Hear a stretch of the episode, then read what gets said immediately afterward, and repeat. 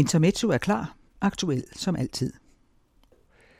En ung kvinde, mor til to, blev ved byretten idømt to års fængsel for sin optræden under en truende og voldelig demonstration mod coronarestriktionerne. Kvinden opfordrede sine meddemonstranter til at vælte byen og stillede sig aktivt i spidsen for hensigten. Flere politifolk blev såret af stenkast og kanonslag. Så faldt fars hammer. Kvinden græd. Sympatisører kaldte det justitsmord. Lov- og orden fixerede politikere har jo dobblet op på det strafbare i forbindelse med pandemien. Man kan ganske vist soppe i håndsprit og sy cirkustelte af mundbind, men tyven idømmes ikke desto mindre dobbelt straf for at stjæle disse tidligere mangelvarer.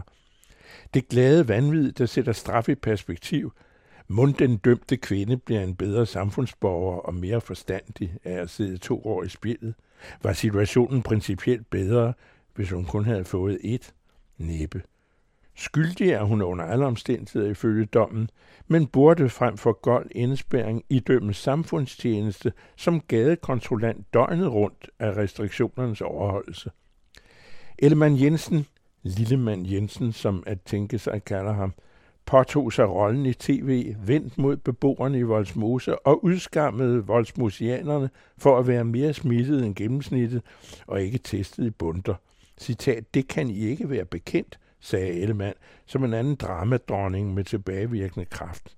Han blev overhalet af begivenhederne, da testningen allerede var på høje navler i den udhængte Odense bydel. Om så partiformanden som straf for sit intimiderende vås fik læst og påskrevet, hvor urimeligt det er at sige noget sådan, og hvorfor han ikke, når han nu var i gang, ikke også udskammede esbjergenserne, kontingenserne og folk i Fredensborg, hvor dronningen bor. Jeg ville straf og fængsel jo lige så lidt hjælpe på formanden som på ovennævnte kvinde. Coronaen synes at have ophævet evnen til at fastholde årsag og virkning som begrebspar. Måske denne brist engang opdages som ledsagende virusklon i slipstrømmen på søster corona, der viser sig ved ubegavede reaktioner mod en vaklende virkelighed. Vi finder os ikke mere, siger de ramte. Vi vil have friheden, kropsnærheden til andre tilbage. I har at ophæve forbud og begrænsninger og erstatte håndspritautomaternes indhold med saftevand og nisseøl.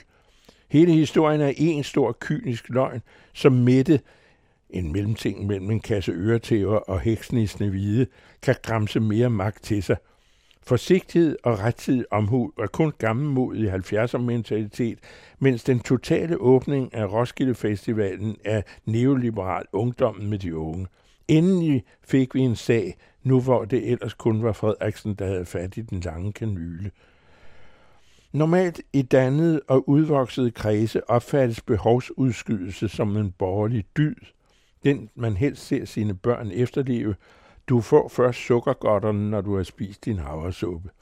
At udskyde og afvente glæder med fødderne solidt plantet i pligten er en protestantisk grundværdi.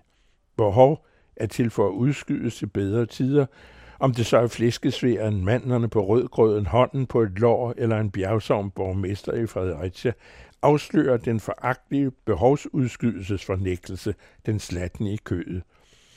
Sådan noget er udtryk for brist på modenhed, akkurat som vrelet efter at få frisøren saks i håret igen, fadbamser på bardisken og hverdag som før.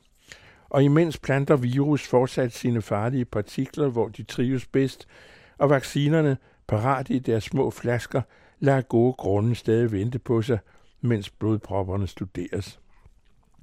De folk, der arrangerede den demonstration, der fik sig alvorlige følger for den emsige kvinde, aflyste en opfyldende aktion på grund af regn.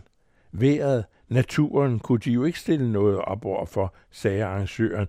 Alt andet lige den hidtil festligste bemærkning i coronaen. Den kan man heller ikke, før masseimmuniteten, stille noget op over for andet end acceptere restriktionerne og afstå fra tåbelige demonstrationer mod evidens og den sunde fornuft. Kampen for friheden følger i krisetider sine egne besynderlige veje. Begrebets relativitet har pludselig ingen relevans. Friheden til ikke at ville regne coronaen for noget mere, når nu selv vores mose bliver testet, og alt er vel forvaret, og Pernille Vermund bare ikke kan bære mere, Ja, det svarer til frihedselskende før i tiden, der ikke på vilkår ville spænde sikkerhedsbæltet. I frihedens navn ville de hellere banke knolden gennem forruden end følge loven. De blev klogere, men finder sig så heller ikke i mere.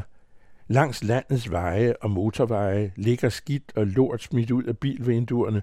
Som et slet skjult budskab, morset af det bile, ligger papir, mundbind og øldåser, gamle sofaborer og brugte preservativer i punktvise bunker og bogstaverer friheden til at gøre det værre for sig selv og alle andre.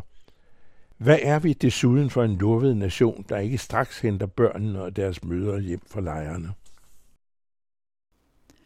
Hver uge på den anden radio og hver fredag i Information er Georg Metz med sit intermezzo.